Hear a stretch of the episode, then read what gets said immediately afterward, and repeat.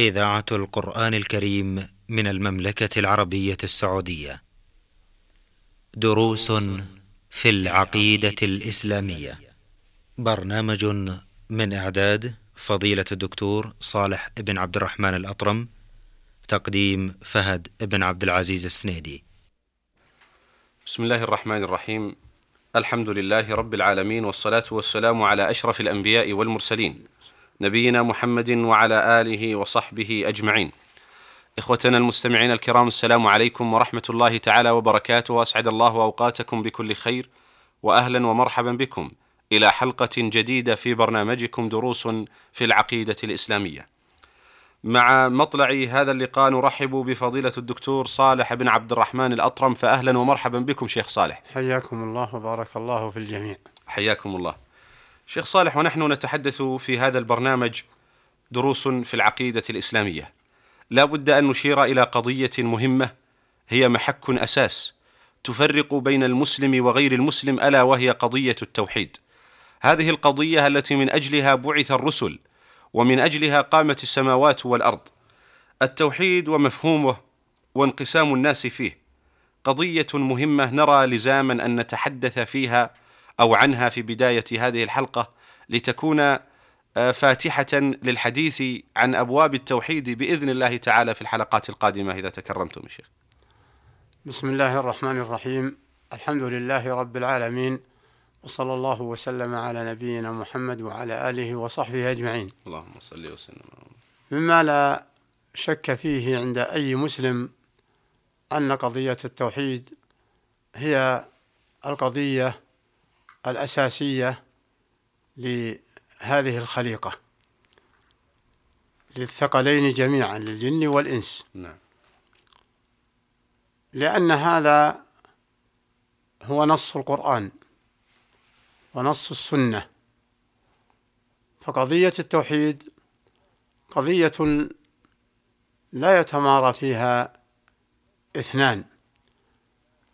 وإن حصل الخلاف في المفهوم فإن حقيقة التوحيد هي الحقيقة التي خلق من أجلها الثقلين خلق من أجلها الثقلان نعم.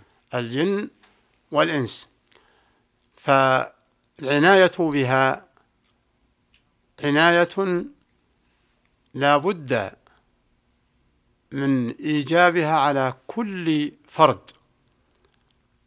فمن وفق للقيام بحقيقة بحقيقة توحيد الله سبحانه وتعالى هذا الذي خلق من أجله.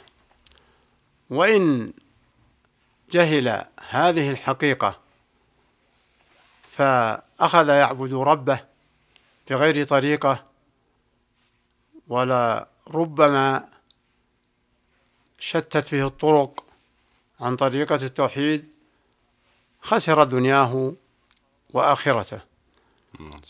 قال الله تعالى ومن الناس من يعبد الله على حرف فإن أصابه خير اطمأن به وإن أصابته فتنة انقلب على وجهه خسر الدنيا والآخرة. فلا ربح في الدنيا ولا ربح في الآخرة. ولا طمأنينة إلا بأن يأتي الإنسان بحقيقة التوحيد. قال الله تعالى الذين آمنوا وتطمئن قلوبهم بذكر الله. ألا بذكر الله تطمئن القلوب؟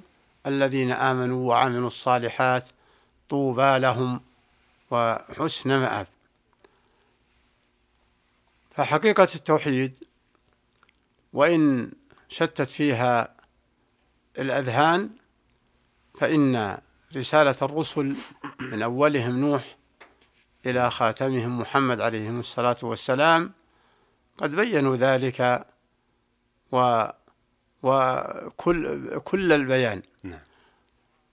وجاء القرآن الكتاب المنزل على محمد الذي لا كتاب بعده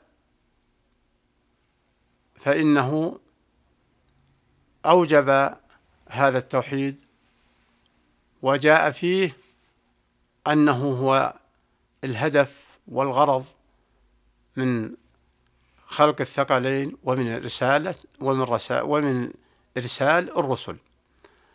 والأدلة ستأتي إن شاء الله تعالى في حلقات الآتية كما ركزها إمام الدعوة محمد بن عبد الوهاب في كتابه الذي عنون له بقوله كتاب التوحيد.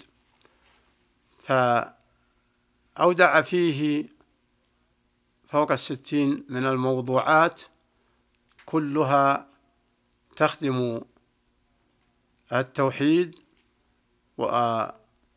فمنها ما يبين حقيقته ومنها ما يبين ما ينافي كماله ومنها ما يبين ما, ما ينافي حقيقة التوحيد فهو كتاب لم يسبق لمثله بنسجه وترتيبه واستنباطه و وعناوي وعناوينه نعم. عندما نقول نعم. فضيلة الشيخ التوحيد نعم نقصد بهذا بهذه اللفظة قضية التوحيد يعني من باب وحد يوحد توحيدا فإذا كان الإنسان يعرف أنه لا إله إلا الله فإنه حقق هذا التوحيد أم أن هناك جوانب أخرى مهمة في هذا الموضوع حينما يقال التوحيد فالمراد به إفراد الله بما يستحقه من نعم. العبادة نعم. وهذا الإفراد تضمنته لا إله إلا الله. ولهذا تفسيرها الصحيح لا معبود لا إله أي لا معبود بحق إلا الله. نعم. وأضاف العلماء كلمة بحق لأن هناك معبودات غير الله بوازع من الجهل والشيطان. فلهذا أضاف العلماء لا إله معبود بحق إلا الله سبحانه وتعالى. فقوله لا إله ترفض أي مألوه ما سوى الله سبحانه وتعالى. و ول ول ومن هنا أصبحت هذه الكلمة هذه الكلمة التي هي لا إله إلا الله كلمة جامعة مانعة. نعم. فهي جامعة لحقيقة التوحيد ومانعة من أن يشابه بشيء من من من الشرك. و ومبينة أن المراد ليس الإقرار بالربوبية فقط. ولهذا لم يقل لا رب إلا الله ولكن لا إله إلا الله لأن قضية الرب كل معترف به جميع الخلائق. وقل من ينكر وجود الله. وإنما الذي فيه النزاع هو إفراده بالعبادة. نعم. هذا الذي فيه النزاع. فجاءت لا إله إلا الله لا يقوم غيرها مقامها. نعم. لا يقوم غيرها مقامها بحيث أنها تحقق الألوهية لله. ولأن هذه الكلمة اشتملت على إثبات الرب واشتملت على إثبات كماله بالأسماء والصفات. فما دام لا معبود إلا الله علم أنه الرب الخالق القادر وعلم أنه المتصف بصفات الكمال. على حد قوله تعالى ليس كمثله شيء وهو السميع البصير. فما أعظمها من كلمة يجب على كل من في قلبه مثقال ذرة من إيمان أن أن يمعن النظر في معناها.